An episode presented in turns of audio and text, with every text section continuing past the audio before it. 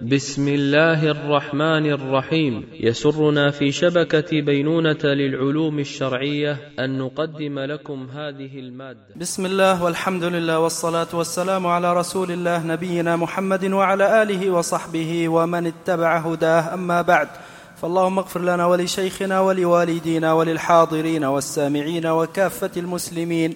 قال الإمام المنذري رحمه الله وروى أنس بن مالك رضي الله عنه أن أبا طلحة كان أكثر الأنصار بالمدينة مالا وكان أحب أمواله إليه بيرحاء وكانت مستقبلة المسجد وكان رسول الله صلى الله عليه وسلم يدخلها ويشرب من ماء فيها طيب.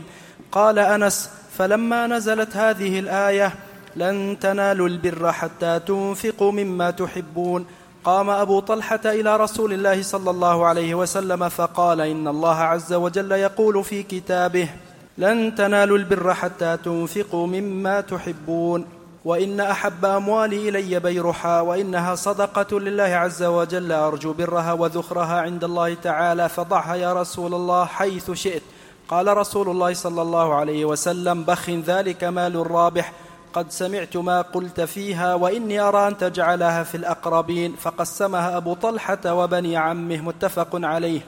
قوله بير حاء هو موضع بقرب المسجد وقيل حاء اسم رجل إليه نسب البئر واختلف في تقييده فروي بفتح الراء في كل حال وروي بضم الراء في الرفع وفتحها في النصب وكسرها في الجر. وقوله بخ يقال بالتسكين وبالكسر مع التنوين قال الخليل يقال ذلك للشيء إذا رضيته ويقال ليعظم الأمر. وقوله مال الرابح يرى بال يروى بالباء الموحدة من الربح بالأجر وجزيل الثواب أي ذو ربح. ويروى بالياء المثنى من الرواح عليه بالأجر على الدوام ما بقيت أصوله وثماره. وقال الهروي رابح أي ذو ربح. ومن رواه رائح أراد أنه قريب الفائدة. نعم. إن الحمد لله نحمده ونستعينه ونستغفره ونعوذ بالله من شرور أنفسنا وسيئات أعمالنا. من يهده الله فلا مضل له ومن يضلل فلا هادي له وأشهد أن لا إله إلا الله وحده لا شريك له وأشهد أن نبينا محمدا عبده ورسوله صلى الله عليه وعلى آله وصحبه وسلم تسليما كثيرا. ثم أما بعد. فقد تحدثنا بالأمس عن باب الصدقة والمؤلف رحمه الله تعالى ختم هذا الباب بما أورده من حديث أنس رضي الله عنه في قصة أبي طلحة الأنصاري رضي الله عنه وأنه كانت أحب الأموال إليه بيرحاء أو بيرحاء على اختلاف في اللفظ كما ذكر المصنف وهي بئر فيها ماء عذب. وحاء يعني كما ذكر المؤلف أنه يرجع إلى اسم شخص يعني اختلف في هذا الأمر. لكن الشاهد أن هذه البئر كان فيها ماء طيبا والنبي صلى الله عليه وسلم كان يدخل هذا هذه البئر يشرب من مائها العذب. فلما سمع أبو طلحة رضي, الله عنه أنه لن, لن ينال المسلم يعني لن تنالوا البر حتى تنفقوا مما تحبون قال أحب الأموال إلي هذه البئر. والله سبحانه وتعالى حينما يعني ذكر هذه الآية إنما طلب من المسلم أن يتصدق من المال الذي يعني من أوسط ماله من أوسط المال وليس أفضل المال. لكنه رضي الله عنه آه، أراد أن يكون أن تكون صدقته من أحب الأموال إليه بل هي أحب الأموال إليه. فلذلك لما سمع النبي صلى الله عليه وسلم منه هذه الرغبة قال اجعلها في ماذا؟ اجعلها في بني عمك يعني في من؟ في من هم؟ من المحتاجين من أبناء عمومته كحسان بن آه، حسان بن ثابت وأبي بن كعب وغيرهم من أبناء عمومته الذين يعني قد يحتاجون من هذه من هذه الصدقات. فهي بالنسبة له صدقة وهي صلة رحم كذلك كما يعني بينها أهل العلم. نعم. قال رحمه الله الباب الرابع في الدعاء والذكر. آه، قال آه، بخ بمعنى ماذا؟ بخ بمعنى يعني كلمة تقال لتعظيم الأمر. يعني كأنه النبي صلى الله عليه وسلم أعجب بهذا الفعل بل أعجب صلى الله عليه وسلم بفعله ويعني إيثاره رضي الله عنه لهذا المال ولهذا الأمر. على ما يعني يؤثر ما عند الله سبحانه وتعالى على ما هو موجود في هذه الدنيا. والرابح والرايح باختلاف اللفظين كلاهما يؤدي إلى نفس المعنى. الرابح يعني المال الذي هو آه، قد ربح فيه صاحبه وفاز. والرايح الذي قد راح بأجره يعني حصل أجره وراح يعني أجره آه، له آه، وسيجده بإذن الله أمامه. نعم تفضل شيخ. قال رحمه الله الباب الرابع في الدعاء والذكر فضل الدعاء والذكر. روى النعمان بن بشير رضي الله عنهما عن النبي صلى الله عليه وسلم قال الدعاء هو العبادة. ثم قرأ وقال ربكم ادعوني أستجب لكم. إن الذين يستكبرون عن عبادتي سيدخلون جهنم داخرين. أخرجه أبو داود والترمذي وابن ماجه. نعم ثم ذكر رحمه الله تعالى الباب الرابع وهو الباب وهو الباب الأخير في الدعاء والذكر في الدعاء والذكر. وسيسرد لك المصنف رحمه الله تعالى مجموعة من الأذكار الشرعية التي تقال في الصباح والمساء وفي النوم وفي ما يكون من قيام الليل وما يكون من أذكار الصلوات ونحو ذلك كما سيمر معنا. لكنه قدم رحمه الله تعالى بهذه المقدمة الجميلة لهذا الباب مبينا لك أهمية الدعاء في الإسلام. مبينا لك أهمية الدعاء في الإسلام. والذكر مشتمل ومتضمن للدعاء. ما هي أهمية هذا الدعاء؟ قال الدعاء هو العبادة كما ثبت عن النبي صلى الله عليه وسلم. كما تقول الحج عرفة يعني أعظم أركان الحج عرفة. كذلك حينما تقول الدعاء هو العبادة يعني أن أعظم أركان هذا الدين هو ماذا؟ هو الدعاء.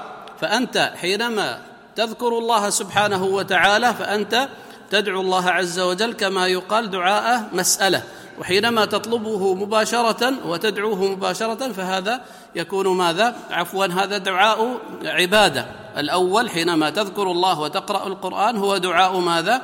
عبادة. والآخر حينما تسأله مباشرة وتطلب منه عز وجل الفوز بالجنة والنجاة من النار فهو دعاء مسألة. فالدعاء على قسمين لكنه رحمه الله أحب أن يقدم لك بهذه المقدمة ليبين لك ماذا؟ عظم شأن الدعاء وأنه عبادة وهو من أعظم العبادات لله سبحانه وتعالى.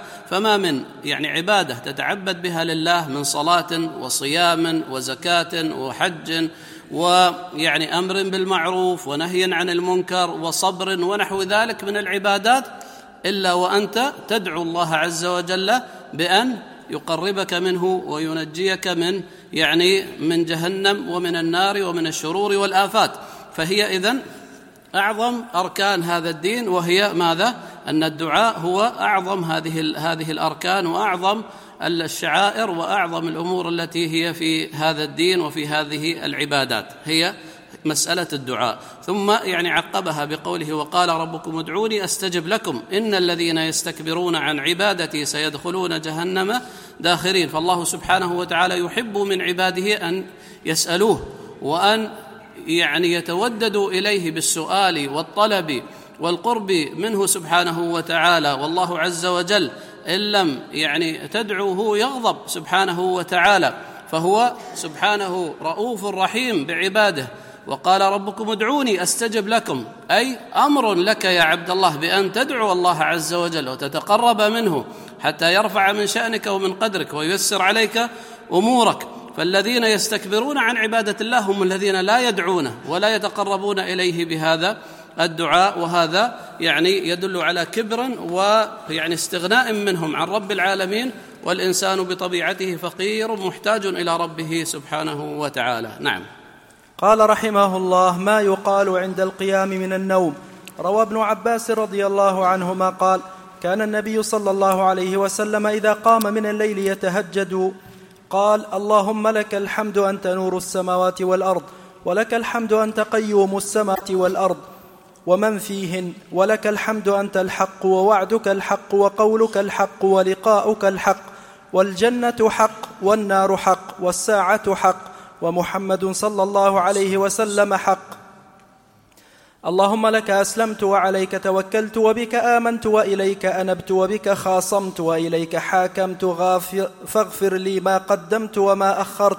وما أسررت وما أعلنت أنت المقدم وأنت المؤخر لا إله إلا أنت ولا إله غيرك متفق عليه.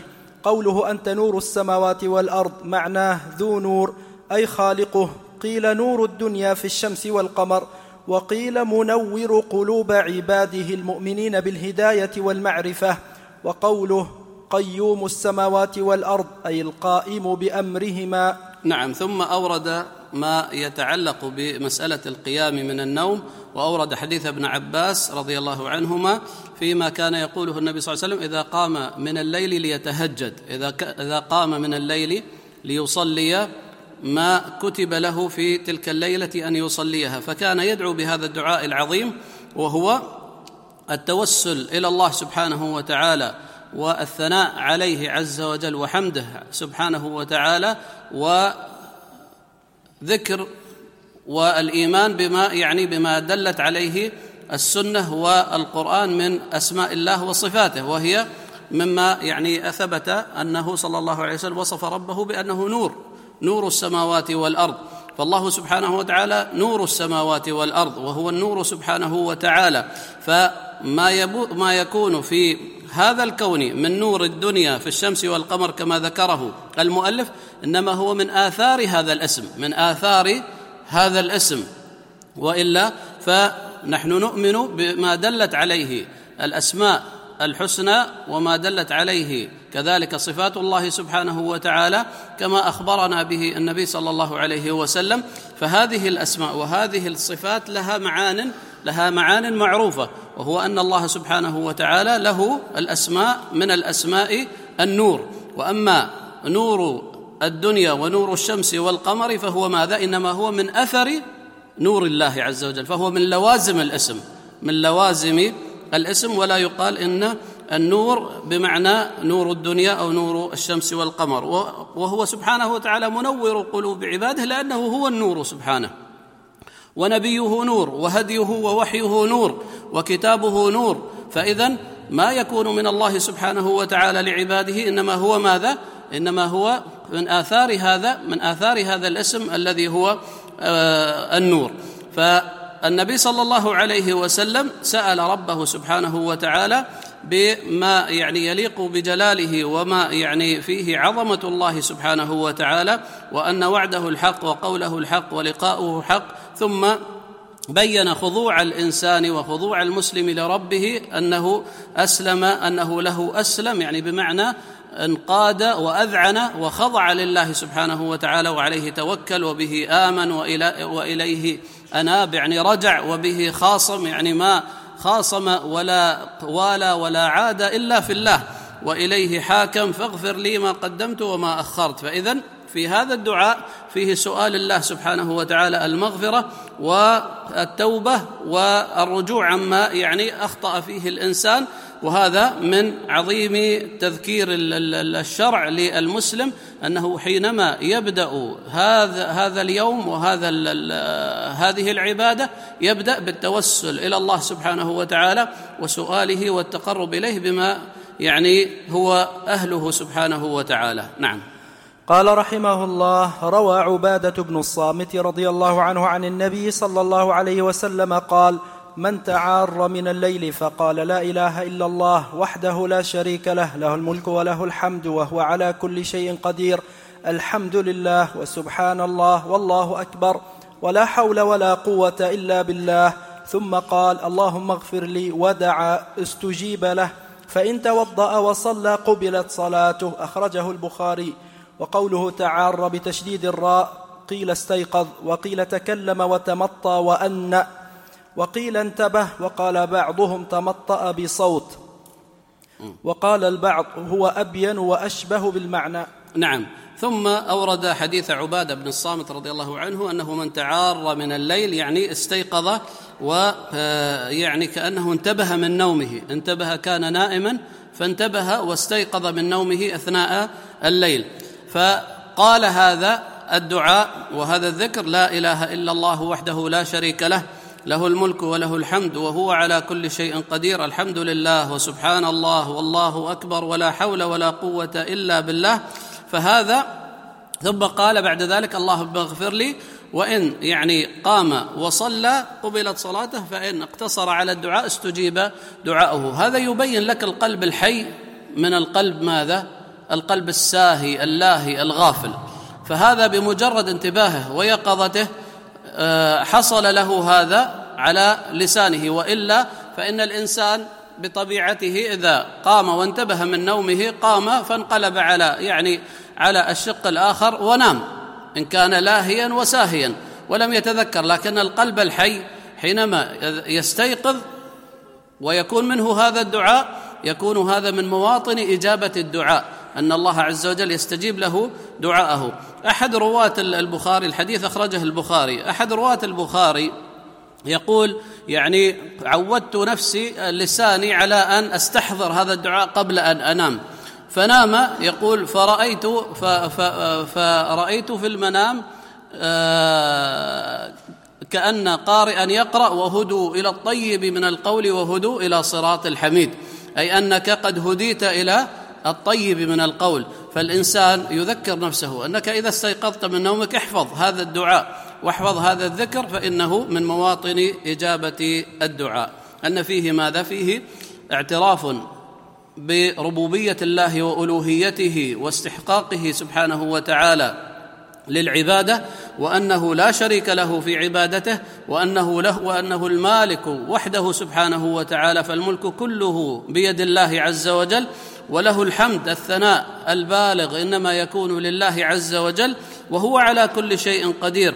وهذا من براهين ماذا؟ من براهين ألوهيته سبحانه وتعالى وهو أنه على كل شيء قدير. ثم الكلمات الأربع وهي أحب الكلمات إلى الله الحمد لله وسبحان الله ولا إله إلا الله والله أكبر ثم كذلك فيها الاستعانة واستعانة بالله وأن العبد لا حول له ولا انتقال له من حال إلى حال إلا بعون الله وتوفيقه. نعم.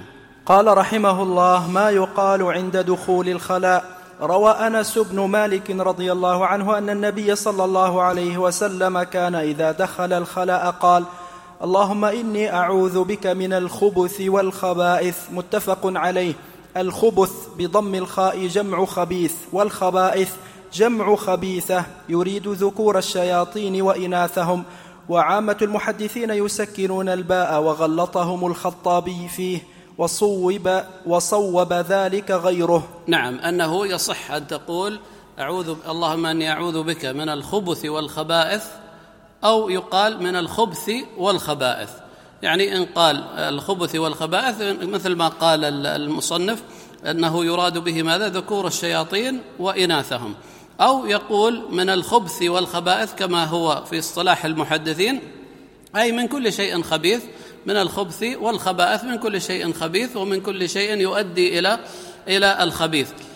النبي صلى الله عليه وسلم علمنا إذا أراد المسلم أن يعني آه، يدخل هذه الكنف هذه أجلكم الله المراحيض أو حتى لو كان في خلاء أراد أن يرفع ثوبه ليقضي حاجته قال ستر ما بين أعين الجن وعورات بني آدم إذا دخل أحدهم الكنيف أن يقول بسم الله أن يقول بسم الله لأن المسلم إذا سمى الله عز وجل كأنه كان ماذا؟ مثل الحاجز مثل الحاجز الذي يحجز آه، ويمنع أن يراك أن يراك شيء من مخلوقات الله عز وجل من جن أو غيره.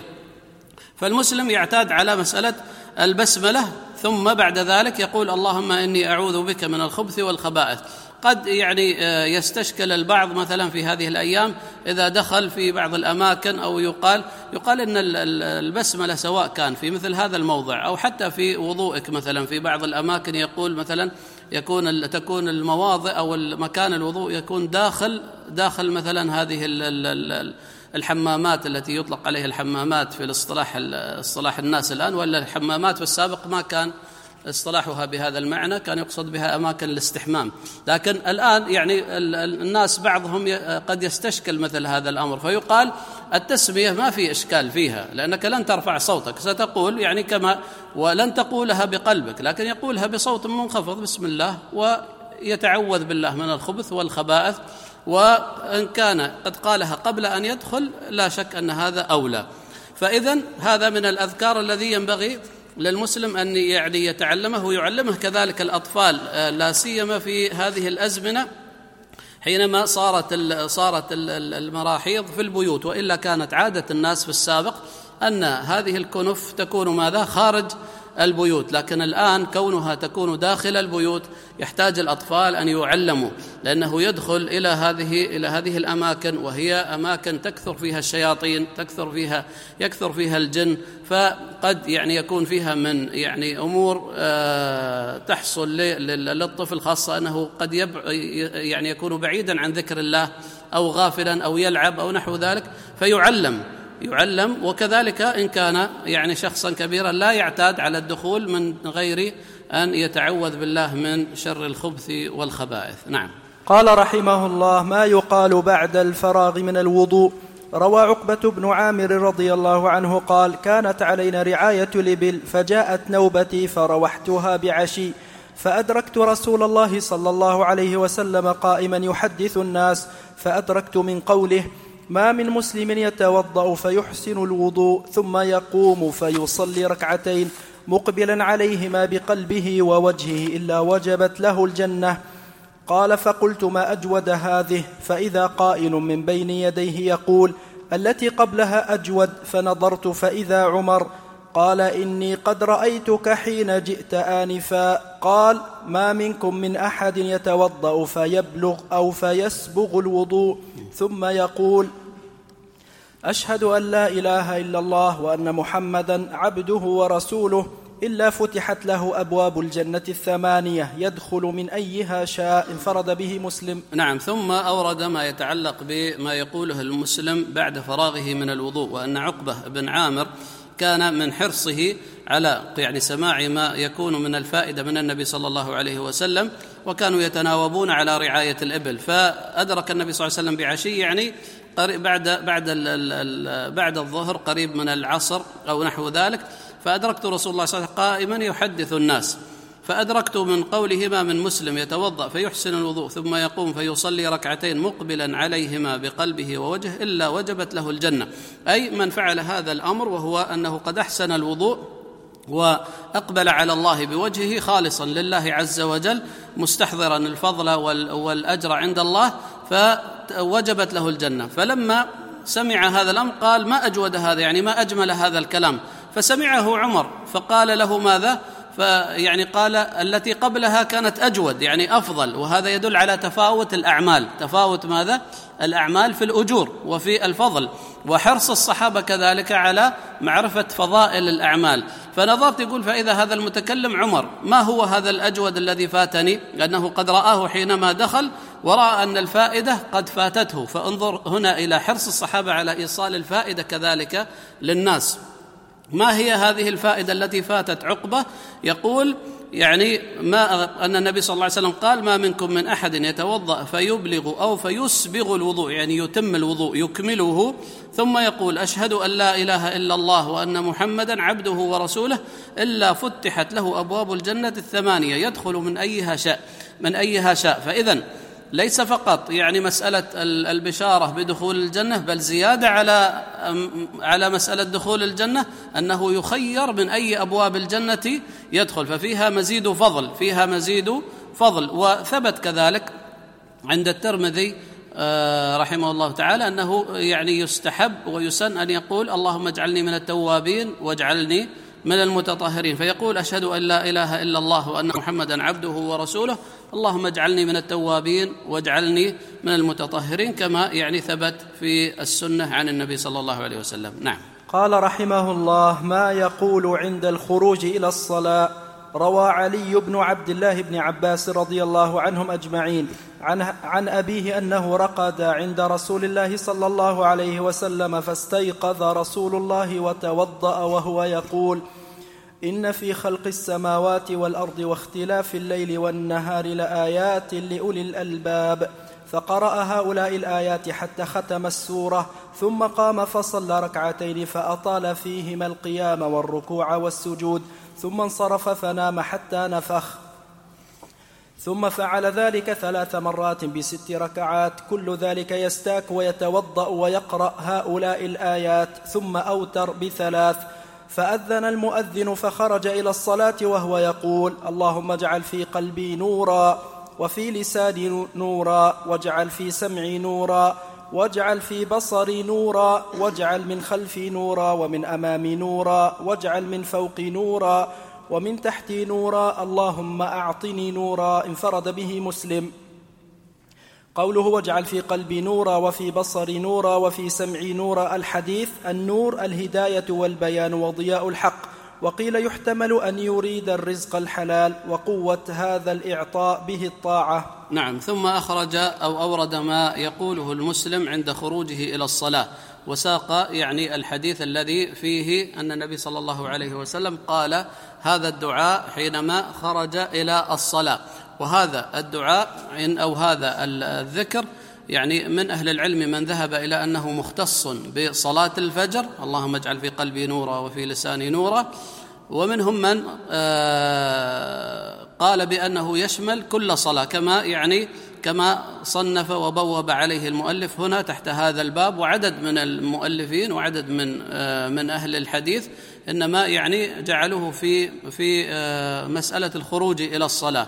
ومن أهل العلم من قال إنه مختص بالصلاة. الشاهد أنه يعني سواء قاله المسلم في خروجه إلى صلاة الفجر أو كان في الصلوات الأخرى على خلاف بين أهل العلم فلا بأس بهذا لأن الرواية حينما يعني جاءت ما بين ما بين فيها أنها مختصة بصلاة الفجر. وإن كانت يعني قد وردت في هذا الموضع وهي أنها في صلاة الفجر وقال بعض أهل العلم لوجود الظلمة ونحو ذلك يعني لأن الوقت وقت ظلمة فانه فإنما يشرع أن يقول المسلم مثل هذا الذكر. فالمسألة آه، فيها سعة كما يعني يذكر أهل العلم. فسواء قالها وخصها بصلاة الفجر أو كانت يعني في آه، أبواب في الصلوات الأخرى كذلك لا بأس. آه، ابن عباس رضي الله عنه دخل آه، ليتعلم ما عليه النبي صلى الله عليه وسلم فجاء والنبي صلى الله عليه وسلم كان عند خالته ميمونة خالته ميمونة فرضي الله عنهم أجمعين. فنام في بيت النبي صلى الله عليه وسلم فوجد أن النبي صلى الله عليه وسلم قد قام من الليل صلى ركعتين توضأ طبعا قبلها قرأ الآية إن في خلق السماوات والأرض واستاك صلى الله عليه وسلم وتوضأ وصلى ركعتين ثم نام ثم عاد وفعل مثل ما فعل في المرة الأولى ثم نام ثم عاد وصلى ركعتين هكذا ثلاث مرات ست ركعات. ثم بعد ذلك قام وأوتر ماذا؟ أوتر بثلاث. فلما أذن المؤذن خرج النبي صلى الله عليه وسلم إلى الصلاة وهو يقول ماذا؟ يقول هذا الذكر الذي سمعتم. نعم. قال رحمه الله وروى الشعبي عن أم سلمة رضي الله عنها أن النبي صلى الله عليه وسلم كان إذا خرج من بيته قال بسم الله توكلت على الله اللهم إنا نعوذ بك من أن نزل أو نضل أو نظلم أو نظلم أو نجهل أو يجهل علينا أخرجه أبو داود والترمذي والنسائي وابن ماجه وقال الترمذي حسن صحيح. نعم ثم أورد آه، حديث أم سلمة رضي الله عنها أن النبي صلى الله عليه وسلم كان إذا خرج من بيته سواء كان إلى صلاة أو غير صلاة يقول يقول هذا الذكر وهو بسم الله توكلت على الله. في بعض الروايات توكلت على الله ولا حول ولا قوة إلا بالله. اللهم إني أعوذ بك أن أضل أو أضل أو أزل أو أزل أو أظلم أو أظلم أو أجهل أو يجهل عليه أو كما جاء في هذه الرواية التي معنا. الشاهد من هذا أن المسلم إذا حرص على أن يقول هذا الذكر آه، فور خروجه من بيته. يقول الشيطان يقول قد كفي ماذا؟ ووقي ويعني يتنحى عنه الشيطان ولا يصيبه شيء من من هذه الأذية التي يعني آه، يسعى الشيطان في إيصالها إلى إلى الناس. فالمسلم يعود هذا اللسان ويعود نفسه على أنه ما يدخل مكانا أو يدخل بيتا أو يخرج من بيت أو نحو ذلك إلا وهو ذاكر لله سبحانه وتعالى. حي القلب يقظ القلب حتى يكون له حصن حصين ويعني حرز من الشيطان. نعم. قال رحمه الله ما يقال عند الصباح. روى شداد بن أوس عن النبي صلى الله عليه وسلم قال سيد الاستغفار. اللهم أنت ربي لا إله إلا أنت خلقتني وأنا عبدك وأنا على عهدك ووعدك ما استطعت. أعوذ بك من شر ما صنعت. أبوء لك بنعمتك علي وأبوء بذنبي فاغفر لي فإنه لا يغفر الذنوب إلا أنت. إذا قالها حين يمسي فمات دخل الجنة أو كان من أهل الجنة وإذا قالها حين يصبح فمات يومه مثله. انفرد به البخاري وغيره. وقوله ابوء لك بنعمتك قال الهروي أقر بها وألزمها نفسي وأصل البوء اللزوم. وابوء لك بذنبي أي أعترف طوعا أي رجعت إلى الإقرار بعد الإنكار. نعم ثم أورد ما يعني جاء في حديث شداد بن أوس فيما يقال في الصباح ومن أبرزها حديث سيد الاستغفار. والنبي صلى الله عليه وسلم بين فضيلة هذا الدعاء وأنه سيد الاستغفار فهو كال كال كالأمر الأفضل بالنسبة لماذا؟ لاستغفار العبد وما يقوله في يعني طلبه من الله سبحانه وتعالى إذ فيه إظهار مدى الفقر والحاجة لله سبحانه وتعالى وفيه اعتراف بالنعم التي أنعم الله عز وجل بها على العبد وفيها اعتراف بذنب الإنسان وتقصيره وتفريطه في حق الله وأن الله عز وجل هو الكريم وهو الغفور الذي يتقبل التوبة من عباده. فيحرص على هذا ويقولها صباحا ومساء. إذا قالها حين يمسي فمات دخل الجنة أو كان من أهل الجنة. وإذا قالها حين يصبح فمات يومه مثله يعني أنه كذلك كان من أهل الجنة أو إذا مات دخل الجنة. ومسألة آه، الأذكار كما سبق أن ذكرنا.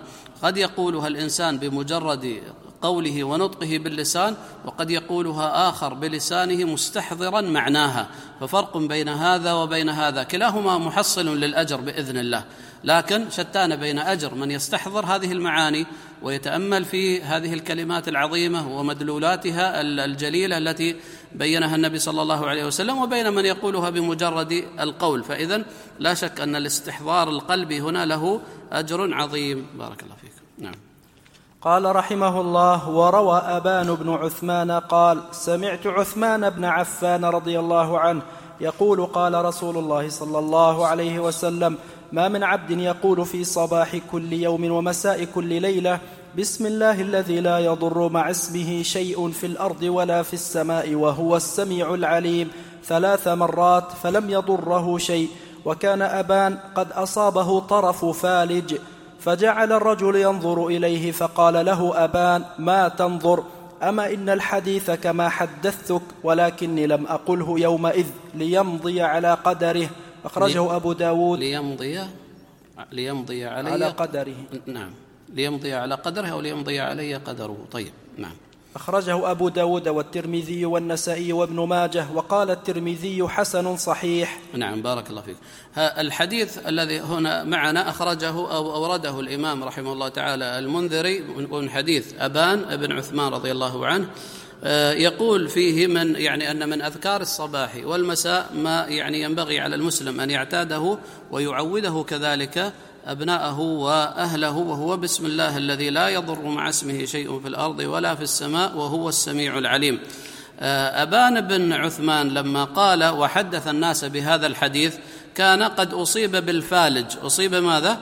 بالفالج. الفالج هو شيء نوع من الشلل نوع من الشلل. يصيب يعني يصيب شيء من الأطراف اليد الرجل نحو ذلك. فلما يح... لما كان يحدثهم يعني كان البعض ينظر إليه. لأن تعلمنا هذا الحديث وأنت يعني أصابك هذا الفالج.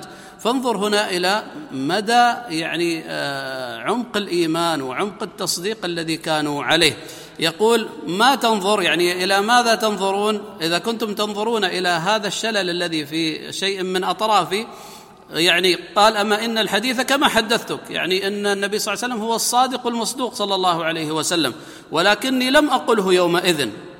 لكني في ذاك اليوم ما قلت هذا الحديث فاصابني ما أصابني. هذا يدل على ماذا؟ على أن المسلم ينبغي عليه أن يحصن نفسه يداوم على الأذكار يداوم على هذه الأذكار حتى ما يعني يصيبه مثل هذه الأمور التي فيها فيها ضرر عليه. فهذا الذكر فيه حفظ لك أيها المسلم كذلك فيه ماذا؟ فيه الأجر من الله سبحانه وتعالى لك. فيه حفظ لك في هذه الدنيا وفيه لك الأجر من الله عز وجل في الآخرة. فإذا هذه الأذكار يبين لك آه هذا الحديث أن الأذكار كذلك تكون حصنا لك وحفظا وحرزا لك حتى من شرور هذه الدنيا ومن أمراضها وأسقامها ونحو ذلك.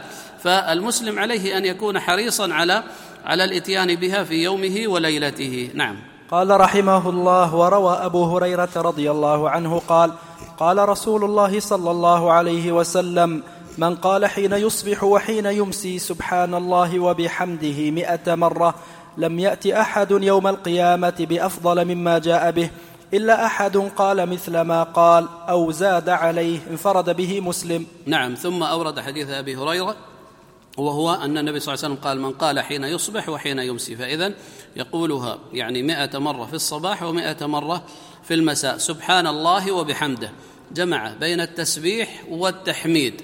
جمع بين التنزيه لله عز وجل من كل نقص وعيب وكل ما لا يليق بالله عز وجل وبين الحمد وهو الثناء على الله سبحانه وتعالى. دعواهم فيها سبحانك اللهم وتحيتهم فيها سلام وآخر دعواهم أن الحمد لله رب العالمين. هي دعوة أهل الجنة. جمع بين التسبيح والتحميد. تنزيه لله عز وجل من كل نقص وعيب وإثبات الكمال له سبحانه وتعالى والثناء عليه بأجمل الثناءات وبأفضل الحمد والثناء. فإذا من قال هذا الذكر وهو سبحان الله وبحمده مئة مرة لم يأتي أحد يوم القيامة بأفضل مما جاء به. إلا أحد قال مثل هذا القول أو زاد عليه من أذكار أخرى. ما زاد عليه في العدد 120 و150 كما يفعل البعض. لا زاد عليه ماذا؟ من أذكار أخرى من أذكار أخرى فيها الفضائل. فالأوراد والأذكار الشرعية هي كما يقول العلم تقييدية يعني كما أخبر النبي صلى الله عليه وسلم عنه. ولا يعني ما أخبر عنه النبي صلى الله عليه وسلم. نعم. وروى سعد بن أبي وقاص رضي الله عنه عن رسول الله صلى الله عليه وسلم أنه قال من قال حين يسمع المؤذن أشهد أن لا إله إلا الله وحده لا شريك له وأن محمدا عبده ورسوله رضيت بالله ربا وبمحمد رسولا وبالإسلام دينا غفر الله ذنبه انفرد به مسلم. نعم ثم أورد حديث سعد بن أبي وقاص أن النبي صلى الله عليه وسلم ذكر ما يقوله المسلم حينما يسمع المؤذن حينما يسمع المؤذن. ويسمع المؤذن آه، فسرها أهل العلم بتفسيرين اختلفوا فيها على على قولين. منهم من قال في قوله حين يسمع المؤذن يعني بعد أن ينتهي من الأذان. بعد أن ينتهي المؤذن من الأذان حينما يقول لا إله إلا الله ويأتي المسلم ويقول مثلا اللهم رب هذه الدعوة التامة والصلاة القائمة ويصلي على النبي صلى الله عليه وسلم ثم بعد ذلك يقول هذا الدعاء وهو قوله أشهد أن لا إله إلا الله وحده لا شريك له وان محمدا عبده ورسوله رضيت بالله ربا وبالإسلام دينا وبمحمد رسوله وبالإسلام دينا. لكن الأقرب والأرجح والله أعلم هو القول الثاني من أقوال أهل العلم وهو أن موضع هذا الذكر بعد أن ينتهي من ماذا؟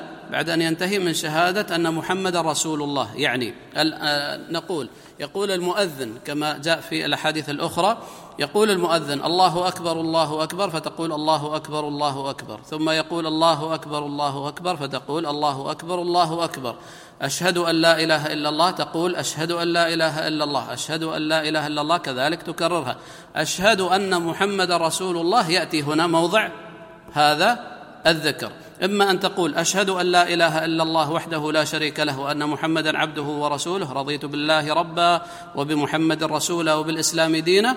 أو باللفظة الأخرى وأنا أشهد أن لا إله إلا الله وحده لا شريك له وأن محمدا عبده ورسوله رضيت بالله ربا وبالإسلام وبمحمد رسولا وبالإسلام دينا ثم يكرر فيقول أشهد أن محمد رسول الله فتكرر هذا الذكر. فهذا الموضع هو الذي هو الأقرب الذي يعني آه، يقوله المسلم فيه لينال هذا الثواب. وإن فاته هذا الموضع لا بأس أن يقوله ماذا؟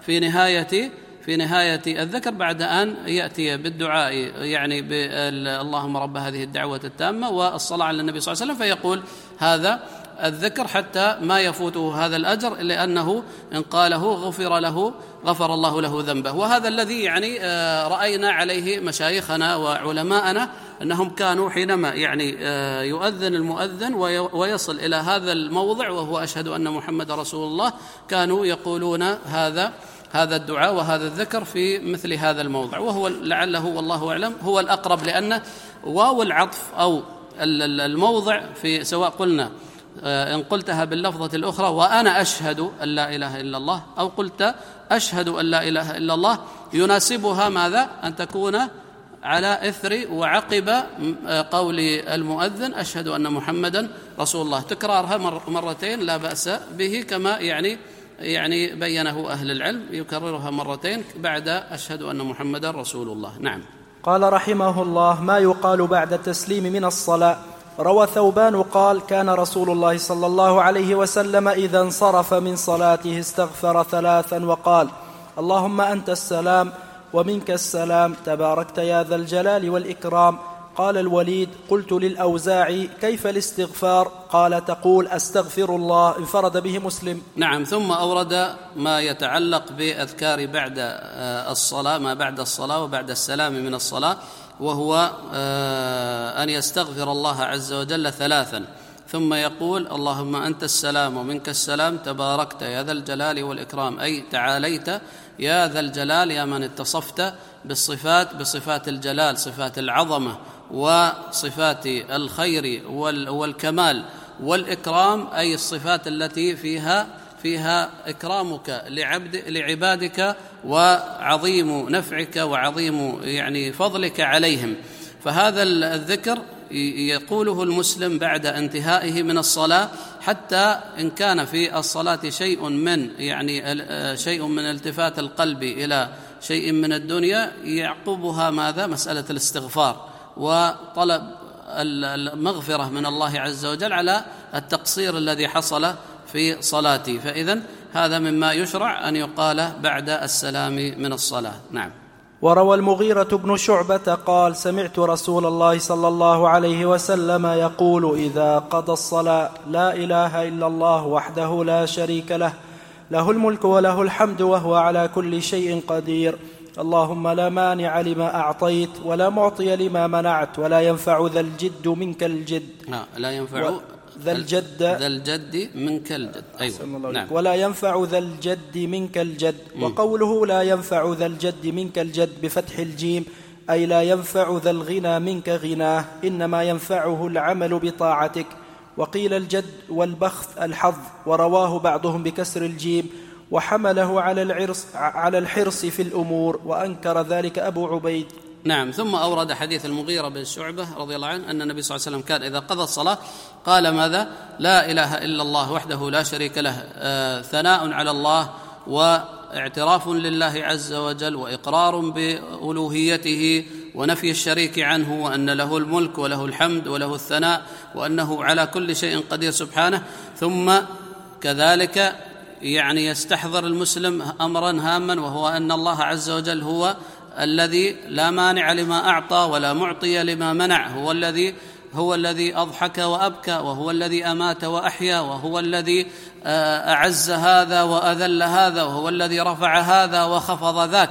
فالأمر كله بيد الله سبحانه وتعالى. يذكر نفسه بهذه الأمور. فاذا أنت ترى حينما تقرأ وتسمع مثل هذه الأذكار وهذه الأوراد الشرعية كيف أن الإسلام شرع لك ما فيه حياة لقلبك ما فيه لك تذكير لك باستمرار. لإرجاعك إلى مقر هذا القلب ومكانه الحقيقي الذي ينبغي أن يكون فيه. لأن الدنيا تشغله وتصرفه وتسحبه إلى ملذاتها.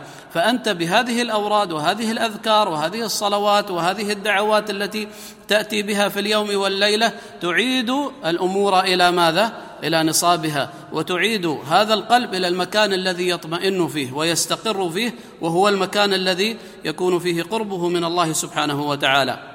ولا ينفع ذا الجد منك الجد يعني لا ينفع صاحب الغنى ولا ينفع صاحب الحظ الكبير ولا ينفع صاحب الجاه ولا غيره لا ينفعهم شيء إلا ما يعني يأتون به من أعمال. لا ينفع ذا الغنى منك غنى إنما ينفعه ماذا؟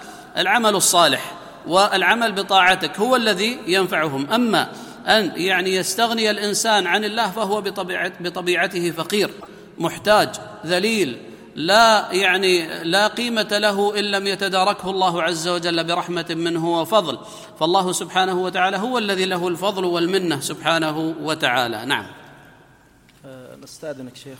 سيارة مرسيدس لوحة دبي إتش 36642 رجاء تغيير مكان السيارة. الله يبارك فيك لأن الطريق مغلقة قال رحمه الله وروى عطاء بن يزيد الليثي عن أبي هريرة رضي الله عنه عن رسول الله صلى الله عليه وسلم قال من سبح الله في دبر كل صلاة ثلاثا وثلاثين وحمد الله ثلاثا وثلاثين وكبر الله ثلاثا وثلاثين فتلك تسعة وتسعون وقال تمام المئة لا إله إلا الله وحده لا شريك له له الملك وله الحمد وهو على كل شيء قدير. غفرت خطاياه وإن كانت مثل زبد البحر. انفرد به مسلم واتفق على معناه على معناه من رواية أبي صالح عن أبي هريرة. نعم ثم أورد حديث أبي هريرة وهو أن آه، النبي صلى الله عليه وسلم قد قال من سبح الله دبر كل صلاة ثلاثة وثلاثين وحمد الله ثلاثة وثلاثين وكبر الله ثلاثة وثلاثين فهذه تسعة وتسعون. وتمام المئة لا إله إلا الله وحده لا شريك له له الملك وله الحمد وهو على كل شيء قدير. من حافظ على هذا دبر الصلاة بعد الصلاة فيكون جزاؤه ماذا؟ غفرت خطاياه وإن كانت مثل زبد البحر. وهنا كما يعني ذكرنا لكم في الدروس الماضية أن غفرت خطاياه أنه يشمل ماذا؟ صغائر الذنوب. وأما الكبائر فهي تحتاج إلى توبة ماذا؟ مستقلة. الشاهد من هذا أن هذا الذكر وهو التسبيح والتحميد والتكبير ثابت في هذه الرواية. كذلك ثبت يعني في مواضع أخرى أن النبي صلى الله عليه وسلم صح عنه كذلك أن المسلم يعني آه، يستحب له بعد الصلاة في أدبار الصلوات أن يسبح الله يسبح الله ثلاثا وثلاثين يسبح الله ثلاثا وثلاثين ويحمد الله ثلاثا وثلاثين ويكبر الله أربعا وثلاثين. فهذا مما يعني كذلك مما جاء في الحديث. كذلك يسبح الله عشرا ويحمده عشرا ويكبر الله ماذا؟ عشرا. هذه كذلك ثابتة. وكذلك جاء في روايات أخرى التسبيح خمسة وعشرين والتحميد خمسة وعشرين والتكبير خمسة وعشرين والتهليل لا إله إلا الله خمسة وعشرين فهذه مئة. فهذه روايات ثابتة عن النبي صلى الله عليه وسلم في مثل هذا الموضع. يستحب للمسلم أن ينوع في مثل هذه الأذكار. نعم. وروى عبد الله بن الزبير أنه كان يقول في دبر كل صلاة حين يسلم لا إله إلا الله وحده لا شريك له له الملك وله الحمد وهو على كل شيء قدير لا حول ولا قوة إلا بالله ولا نعبد إلا إياه له النعمة وله الفضل وله الثناء الحسن لا إله إلا الله مخلصين له الدين ولو كره الكافرون. قال وكان رسول الله صلى الله عليه وسلم يهلل بهن في دبر كل صلاة انفرد به مسلم. نعم وهذا كذلك من الأذكار التي تقال بعد الصلاة حينما يسلم التهليل أن يهلل ويشهد لله عز وجل بالوحدانية ونفي الشريك ويشهد لله عز وجل بالوحدانية والنعمة والفضل والثناء عليه سبحانه وتعالى والإخلاص له عز وجل فهذه مما يعني يستحب له أن يواظب عليها. نعم.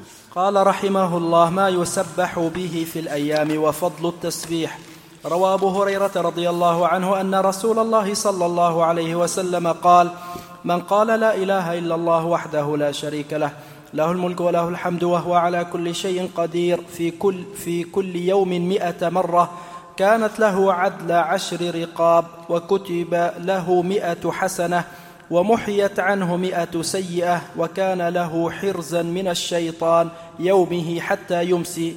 ولم يأت أحد يوم القيامة أفضل مما جاء به إلا أحد عمل أكثر من ذلك.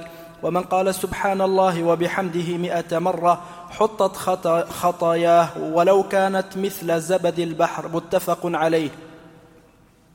نعم قوله عدل عشر رقاب العدل بالفتح المثل وما عادل الشيء من غير جنسه وبالكسر ما عادله من جنسه وكان نظيره. وقال البصريون العدل والعدل لغتان وهما المثل. نعم ثم أورد ما يكون من التسبيح في اليوم والليلة. وذكر منه هذا الحديث الثابت عن النبي صلى الله عليه وسلم من قال لا إله إلا الله وحده لا شريك له له الملك وله الحمد وهو على كل شيء قدير في كل يوم مئة مرة في يومه كله سواء قاله متتاليا متتابعا أو قاله في الصباح أو قاله في المساء في اليوم والليلة كلها مئة مرة وليس في الصباح مئة وفي في المساء مئة لا في اليوم والليلة كلها. لكن يستحب والأفضل له ماذا؟ أن يكون في بداية الصباح وفي صباحه لأنه إن جاء بهذا كان له حرزا من الشيطان في يومه إلى أن يمسي. فالأفضل أن يسارع بهذا الذكر وهذا الدعاء في بداية اليوم وهو مرة مئة مرة في اليوم. نعم. قال رحمه الله وروى موسى الجهني عن مصعب بن سعد بن أبي وقاص عن أبيه قال كنا عند رسول الله صلى الله عليه وسلم فقال أيعجز أحدكم أن يكسب كل يوم ألف حسنة؟ فسأله سائل من جلسائه كيف يكسب أحدنا ألف حسنة؟ قال يسبح مئة, مئة تسبيحة فيكتب له ألف حسنة أو يحط عنه ألف سيئة انفرد به مسلم. قال الحميدي هكذا هو في صحيح مسلم في جميع الروايات عن موسى أو يحط. قال البرقاني ورواه شعبة وأبو عوانة ويحيى ابن سعيد القطان. فقالوا ويحط بغير ألف. نعم يحط يحط عنه أو يحط عنه الشاهد من هذا أن من سبح الله مئة تسبيحة كان له هذا الأجر. في أن يعجز أحدكم أن يكسب كل يوم ألف حسنة فسأله سائل ما كيف يكسب أحدنا ألف حسنة؟ قال يسبح مئة تسبيحة. يقول سبحان الله سبحان الله سبحان الله. التسبيح معاشر الفضلاء هذا لعلنا نسينا أن ننبه عليه في أدبار الصلوات. كان النبي صلى الله عليه وسلم يعقد التسبيح بأنامله يعقد هكذا يعني يعقد هكذا. هكذا الذي يعني جاء عن النبي صلى الله عليه وسلم. آه، البعض من الناس اعتاد مثلا أن يفعل هكذا يعدها ب يعني بأصابعها. لا هو الأولى والأكمل كما كان النبي صلى الله عليه وسلم يفعل يعقد. العقد هكذا يعني يعقدها. عقد. كما يعني كان عليه النبي صلى الله عليه وسلم. وهذا مثل ما ذكرت لكم هذا الذي رأينا عليه علماءنا ومشايخنا كانوا يعني يعقدون التسبيح هكذا. وهذا الذي يعني يستحب للمسلم. وأما مسألة الاستعمال السبحة وغير ذلك فهذه أمور دخلت على الناس الأولى للناس أن يبتعدوا عنها إلا مثل ما يذكر شيخ الإسلام من كان كبيرا في السن أو لا يضبط العدد وينسى ونحو ذلك ذاك قد يستثنى. لكن الشاب ومن كان يضبط العدد فالأولى أن يستغني عن هذه السبحة وعن هذه الأمور التي فيها العد ويعني يعقد التسبيح بأنامله. طيب.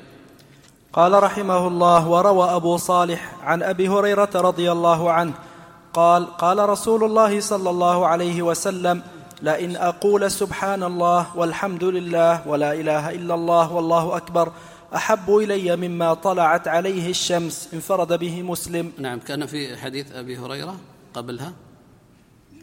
روى أبو هريرة آخر شيء. وروى أبو هريرة رضي الله عنه قال قال رسول الله صلى الله عليه وسلم كلمتان خفيفتان على اللسان ثقيلتان في الميزان حبيبتان إلى الرحمن. سبحان الله وبحمده سبحان الله العظيم متفق نعم. عليه. أورد حديث أبي هريرة فيه بيان ثقل يعني هاتين الكلمتين في الميزان وهو ميزان حقيقي ينصب يوم القيامة وله كفتان وتوزن الأعمال ويوزن العامل وتوزن صحائف الأعمال. فاحب الأعمال من أحب الأعمال إلى الله عز وجل سبحان الله وبحمده سبحان الله العظيم. تنزيه لله عز وجل وحمده وإثبات الكمال له وتنزيهه سبحانه وتعالى وتعظيمه عز وجل وذكره بما يعني يليق بجلاله. فهاتان الكلمتان حبيبتان إلى الرحمن فيستحب للمسلم أن يكثر منهما. ثم أورد حديث أبي هريرة الثاني وهو أن النبي صلى الله عليه وسلم قال لئن أقول سبحان الله والحمد لله ولا إله إلا الله والله أكبر أحب إلي مما طلعت عليه الشمس. وهذا حديث عظيم. يبين لك ما هو مقدار هذه الكلمات عند النبي صلى الله عليه وسلم. أحب إلي مما طلعت عليه الشمس. على ماذا تطلع الشمس؟ على الدنيا كلها. يعني لو فاتك فاتتك الدنيا كلها في ذاك اليوم أو في حياتك. لكن ما فاتتك هذه الأمور وهذه الأذكار فهو والله خير لك. فلا تتحسر على شيء من أمور الدنيا. مهما فاتك وأنت قد أصبحت وذكرت الله وأتيت بما أحبه الله عز وجل لك فاحمد الله عز وجل فأنت في خير عظيم والناس لاهون وساهون عن هذا الخير. نعم. وروى أبو ذر رضي الله عنه قال قال رسول الله صلى الله عليه وسلم ألا أخبرك بأحب الكلام إلى الله تعالى؟ فقال إن أحب الكلام إلى الله تعالى سبحان الله وبحمده. انفرد به مسلم. نعم. وروى. وروى أبو موسى الأشعري رضي الله عنه قال قال النبي صلى الله عليه وسلم مثل الذي يذكر الله والذي لا يذكره مثل الحي والميت. متفق عليه. الله أكبر. هذا الحديث يبين لنا مقدار هذه الأذكار وأثرها في حياتك وفي قلبك أيها المسلم. فالذاكر لله عز وجل هو الحي ومن لم يذكر الله سبحانه وتعالى فهو ميت وإن كان يعيش بين الناس. فالقلب الحي قلب ذاكر لله سبحانه وتعالى. شتان بين قلب يقظ حي وبين قلب ميت. وكما سبق أن ذكرنا أن القلب إنما يعني خلقه الله سبحانه وتعالى وجعل راحته وطمأنينته في ماذا؟ في ذكر الله وأنسه وسعادته في القرب من الله عز وجل. نعم. قال رحمه الله ما يقال عند القيام من المجلس؟ روى أبو هريرة رضي الله عنه قال قال رسول الله صلى الله عليه وسلم من جلس في مجلس فكثر فكثر فيه لغطه فقال قبل أن يقوم من مجلسه ذلك سبحانك اللهم وبحمدك أشهد أن لا إله إلا أنت أستغفرك وأتوب إليك. إلا غفر له ما كان في مجلسه ذلك. أخرجه الترمذي والنسائي وقال الترمذي حسن صحيح. قلت وقال البخاري له علة وقد جمعت طرقه في جزء مفرد.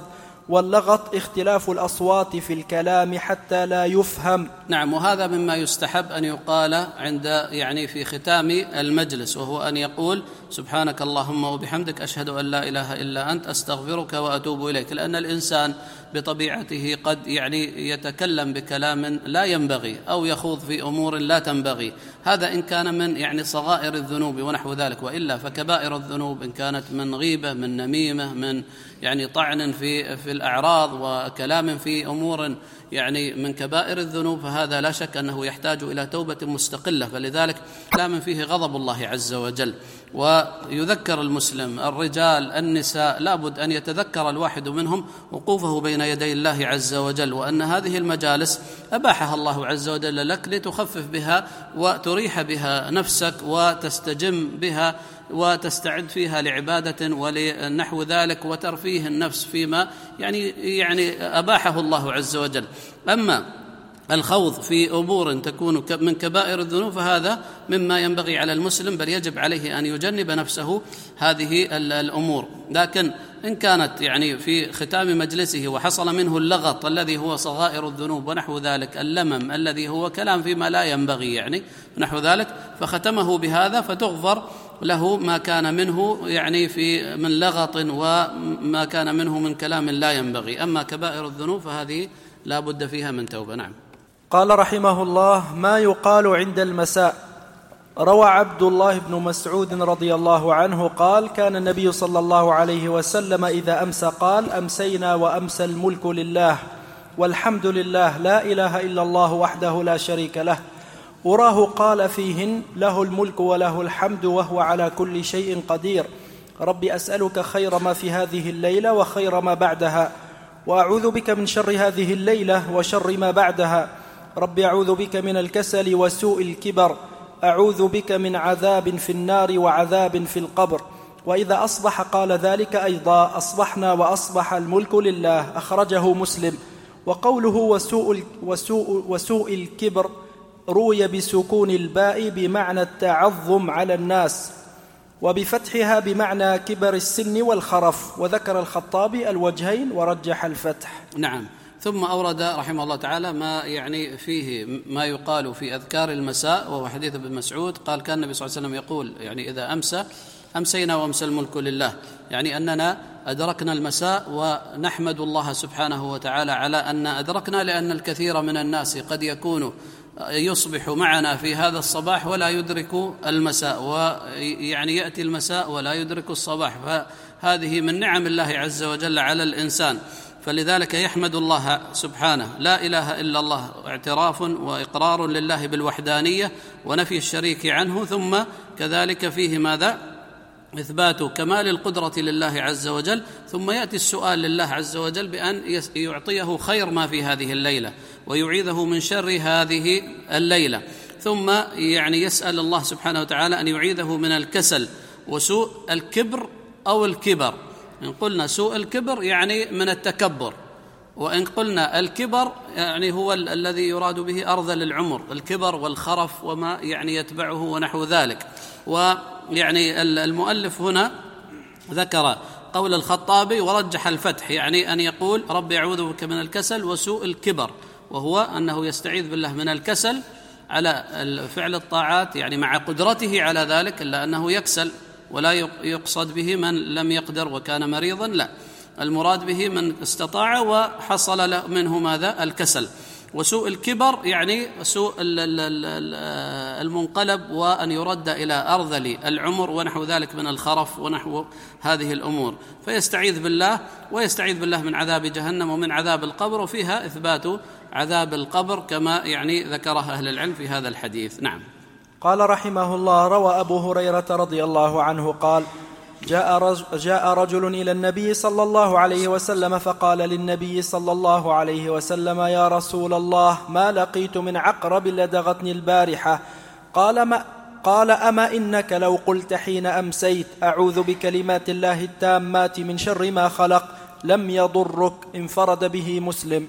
وقوله بكلمات الله قال الهروي هي القرآن والتامات قيل هي الكاملة وقيل هي النافعة الكافية الشافية مما يتعوذ منه. نعم ثم أورد حديث أبي هريرة وهو أن النبي صلى الله عليه وسلم لما اشتكى له رجل من يعني الأذى والضرر الذي حصل له من لدغه لدغة العقرب قال لو قلت حين أمسيت يعني لو قلت هذا الدعاء لما يعني لما ضرك شيء. قلت أعوذ بكلمات الله التامات من شر ما خلق. يعني استعاذة ولجوء إلى الله سبحانه وتعالى مما بكلماته التامات بما يعني جاء في كلام الله عز وجل من من قرآن ومن وحي بهذه الكلمات التامات الكاملات من شر ما خلق. فما كان سيضرك شيء. ولو حصلت اللدغة لكن ما كان سيصيبك الضرر لأنه قد تحصل اللسعة أو اللدغة لكن لا يعني لا يحصل معها الضرر. وقد يعني يصرف الله عز وجل الشر عنها. يقول القرطبي رحمه الله تعالى في يعني في شرحه على مسلم يقول وهذا أمر مجرب. وأنا يقول يحكي عن نفسه أنه قد اعتاد على أن لا يترك هذا لا يترك هذا الدعاء في يعني في المساء لأنه من أذكار المساء يقال في المساء. بعض أهل العلم يقول أنه يقال في الصباح والمساء لكن الذي ثبت كما هو معنا أنه من من, أذكار المساء فقط. وإذا كذلك نزل منزلا يقول أعوذ بكلمات الله التامات مرة لكن في المساء يقولها ثلاثا. فيقول القرطبي هذا مجرب آه، ويعني في مرة من المرات لدغتني عقرب. فانتبهت يعني أني أنا آه، كيف لدغتني العقرب؟ فتذكرت فإذا قد نسيت هذا هذا الدعاء في ذاك اليوم في تلك الليلة.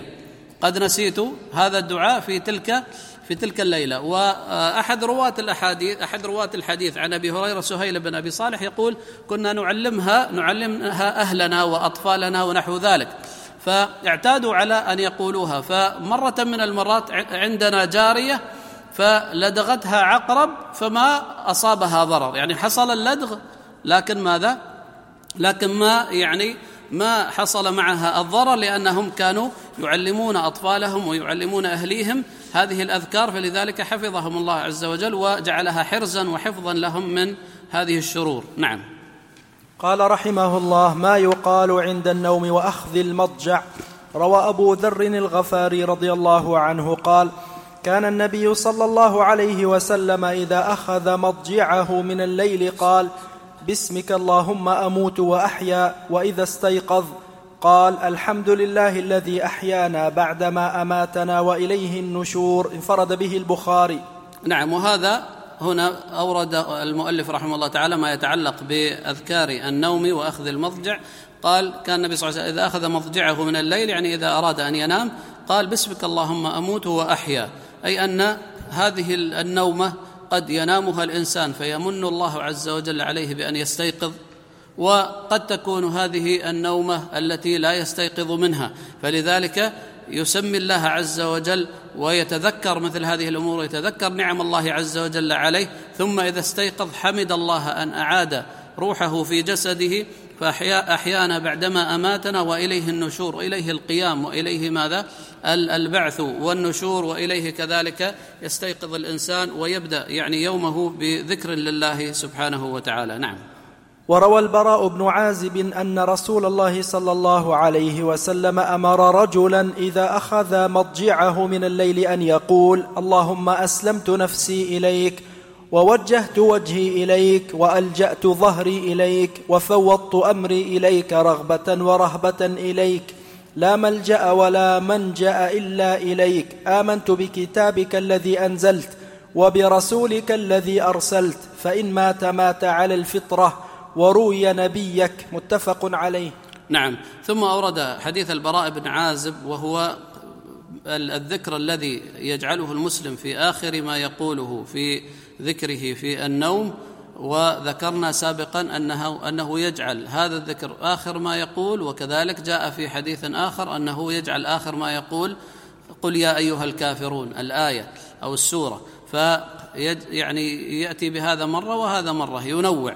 فهنا فيه آه، لجوء المسلم إلى الله عز وجل في هذا الحديث وفيه يعني آه، بيان فقر الإنسان وأنه لا ملجأ له ولا منجأ له إلا إلى الله سبحانه وتعالى. فلذلك يذكر نفسه أنه يعني في ملكوت الله وهو تحت قدرة الله عز وجل فإن مات على هذه على هذا الشيء مات على الفطرة.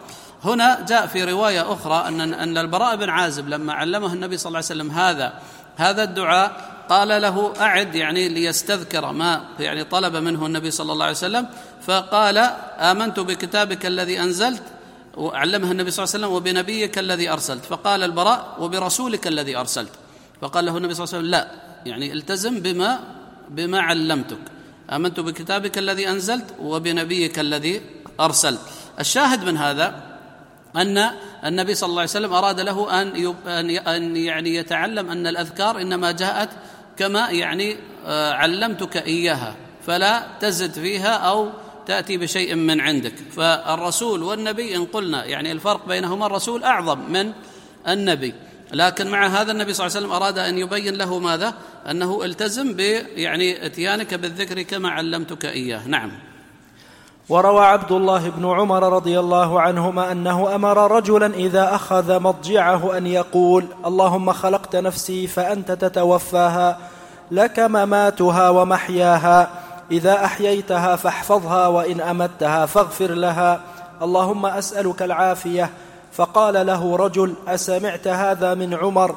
قال من خير من عمر من رسول الله صلى الله عليه وسلم انفرد به مسلم. نعم وفي هذا بيان ما سبق أن تحدثنا عنه أن هذه النفس حينما يعني تكون في هذا الموضع وفي هذا الوقت وهو وقت النوم وأخذ المضجع يذكر المسلم نفسه يحمد الله على نعمه ويشكره على أن أحياه وأنه هو الذي يحفظ هذه النفس وهو الذي يميتها سبحانه وتعالى ويسأله سبحانه وتعالى العافية والنبي صلى الله عليه وسلم قد أرشد الناس وأرشد عمه العباس وأرشد يعني عددا من الصحابة إلى أن أفضل من أفضل الأدعية التي يدعو بها المسلم أن يسأل الله عز وجل ماذا؟ العفو والعافية، نعم. وروى أنس بن مالك رضي الله عنه أن رسول الله صلى الله عليه وسلم كان إذا أوى إلى فراشه قال الحمد لله الذي أطعمنا وسقانا وكفانا وآوانا فكم ممن لا كافي له ولا مؤوي انفرد نعم. به مسلم. وهذا كذلك يبين عظيم فضل الله عز وجل علينا الذي يعني أطعمنا وسقانا يذكر المسلم نفسه ويستحضر هذه الأمور أنه كم ممن لا كافي له لا لا مؤوي له كم من الناس لا يجد له من الطعام والمأوى والشراب ونحو ذلك فهذه الأمور كلها تحتاج إلى تذكير للنفس بهذا الفضل من الله عز وجل. نعم. قال رحمه الله فصل في الصلاة على النبي صلى الله عليه وسلم. روى أبو هريرة رضي الله عنه أن رسول الله صلى الله عليه وسلم قال من صلى علي واحدة صلى الله عليه عشرا انفرد به مسلم والصلاة من الله الرحمة ومن الملائكة والنبي عليهم السلام استغفار ودعاء. قاله الهروي. نعم. آه ثم أورد يعني في ختام هذا الباب ما يتعلق بالصلاة على النبي صلى الله عليه وسلم وأن من صلى على النبي صلى الله عليه وسلم واحدة مرة واحدة صلى الله عليه بها عشرا قال الصلاة من الله الرحمة. وهذا يعني رد هذا الكلام الإمام ابن القيم رحمه الله تعالى في جلاء الأفهام من أفضل ما كتب في مسألة الصلاة والسلام على النبي صلى الله عليه وسلم. كتاب ابن القيم آه، جلاء الأفهام في الصلاة والسلام على خير الأنام أو كما سماه. رد هذه المقولة هو أن الصلاة تختلف عن الرحمة. أولئك عليهم صلوات من ربهم ورحمة. صلوات ورحمة. فتختلف الصلاة عن الرحمة. ورد الإمام ابن القيم هذا القول فالصلاة من الله عز وجل بمعنى الثناء عليه في الملأ الأعلى. ذكره والثناء عليه في الملأ الأعلى. لأن الله عز وجل يذكره ويثني عليه في الملأ الأعلى. ومن الملائكة والنبي عليه الصلاة والسلام الاستغفار. فاذا هذا جزاء وهذا ثواب من صلى على النبي صلى الله عليه وسلم أنه يذكره الله عز وجل ماذا؟ في الملأ الأعلى. نعم. وروى عبد الله بن مسعود رضي الله عنه قال كنت أصلي والنبي صلى الله عليه وسلم وأبو بكر وعمر معه فلما جلست بدأت بالثناء على الله ثم الصلاة على النبي صلى الله عليه وسلم. ثم دعوت لنفسي فقال النبي صلى الله عليه وسلم سل تعطه سل تعطه. أخرجه الترمذي وابن ماجه وقال الترمذي حسن صحيح. نعم ثم أورد حديث ابن مسعود وهو أنه كان يصلي آه، والنبي صلى الله عليه وسلم أبو بكر معه آه، وعمر معه فهو يعني لما جلس في التشهد في أثناء الصلاة بدأ بالتحيات التحيات لله والصلوات والطيبات ثم صلى على النبي صلى الله عليه وسلم ثم بعد الصلاة على النبي صلى الله عليه وسلم في صلاته دعا لنفسه. فالنبي صلى الله عليه وسلم يسمعه فقال ماذا؟ سل تعطه سل تعطه. يعني أن هذا الموضع موضع إجابة دعاء موضع إجابة دعاء في آخر في آخر التشهد قبل أن يسلم. سل تعطه سل تعطه. نعم. وقال عبد الرحمن بن ليلى لقيت عبد الرحمن بن أبي ليلى. ابن أبي ليلى. وقال عبد الرحمن بن أبي ليلى لقيت كعب بن عجرة فقال ألا أهديك هدية؟ خرج علينا رسول الله صلى الله عليه وسلم فقلنا قد عرف قد عرفنا كيف نسلم عليك فكيف نصلي عليك؟ فقال قولوا اللهم صل على محمد وعلى آل محمد كما صليت على إبراهيم إنك حميد مجيد. اللهم بارك على محمد وعلى آل محمد كما باركت على إبراهيم إنك حميد مجيد. متفق عليه. نعم نكمل. هذا لأن هذه صيغ صيغ الصلاة على النبي صلى الله عليه وسلم. نعم. وروى أبو مسعود الأنصاري رضي الله عنه أتانا رسول الله صلى الله عليه وسلم ونحن في مجلس سعد بن عبادة فقال له بشر بن سعد أمر أمرنا الله عز وجل أن نصلي عليك يا رسول الله فكيف نصلي عليك؟ قال فسكت رسول الله صلى الله عليه وسلم حتى تمنينا أنه لم يسأله. ثم قال رسول الله صلى الله عليه وسلم قولوا اللهم صل على محمد وعلى آل محمد كما صليت على إبراهيم وبارك على محمد وعلى آل محمد كما باركت على إبراهيم إنك حميد مجيد. والسلام كما قد علمتم انفرد به مسلم. وأبو مسعود اسمه عقبة بن عمرو قوله كما قد علمتم يروى بفتح العين وتخفيف اللام وبضم العين وتشديد اللام ويعني بذلك في التحيات في قوله السلام عليك أيها النبي ورحمة الله وإلى آخره وقيل في قوله تعالى وسلموا تسليما. وروى أبو حميد الساعدي رضي الله عنه أنهم قالوا يا رسول الله كيف نصلي عليك؟ قال قولوا اللهم صل على محمد وعلى أزواجه وذريته كما صليت على آل إبراهيم. وبارك على محمد وعلى أزواجه وذريته كما باركت على آل إبراهيم إنك حميد مجيد متفق عليه. وأبو حميد الساعدي اسمه المنذر وقيل عبد الرحمن بن سعد بن المنذر وقيل غير ذلك. قال رحمه الله روى أبو سعيد الخدري رضي الله عنه قال قلنا يا رسول الله هذا السلام عليك فكيف نصلي؟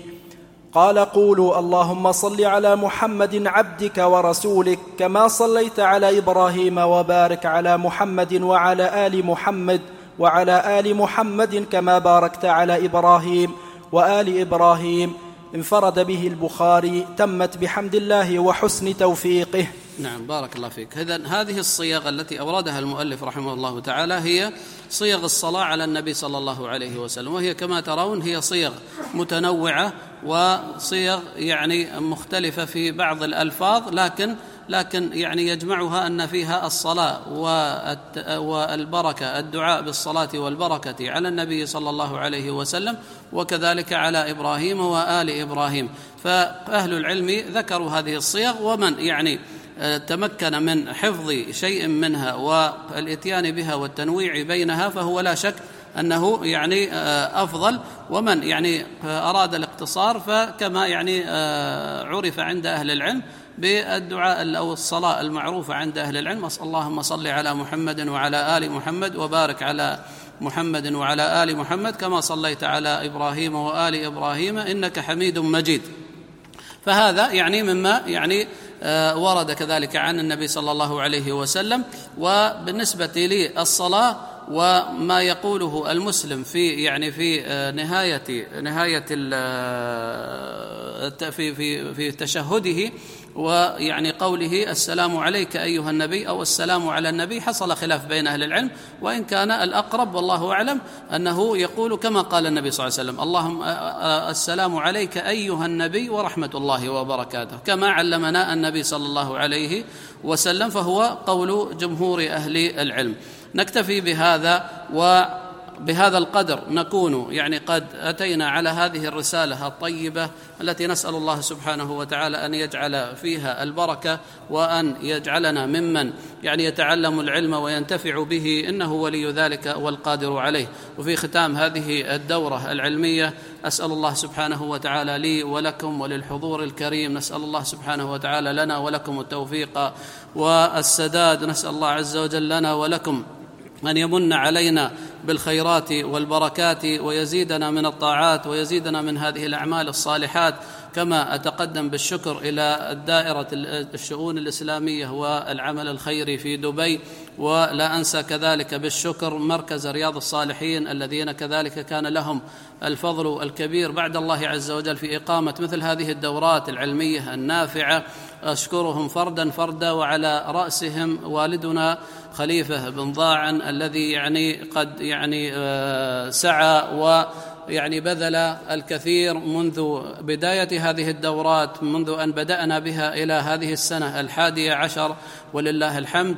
نسأل الله سبحانه وتعالى أن يبارك له في عمره وفي يعني عمله وأن يجعل في ذريته كذلك الخير والبركة كما أتقدم بالشكر إلى يعني شبكة بينونة وما قاموا به من نقل من يعني ومن جهود طيبة في نقل هذه الدورة العلمية. وأشكركم فردا فردا سواء من معنا هنا من الحضور من الإخوة والأخوات والأبناء وكذلك من يعني حضر معنا عبر الشبكة وعبر النقل عن عن بعد. نسأل الله سبحانه وتعالى أن يبارك لنا ولكم فيما سمعنا وأن يجعل أعمالنا خالصة لوجهه الكريم. إنه ولي ذلك والقادر عليه وصلى الله وسلم وبارك على عبده ونبيه محمد وعلى آله وصحبه أجمعين. للاستماع إلى الدروس المباشرة والمسجلة والمزيد من الصوتيات يرجى زيارة شبكة بينونة للعلوم الشرعية على الرابط بينونة دوت نت وجزاكم الله خيرا.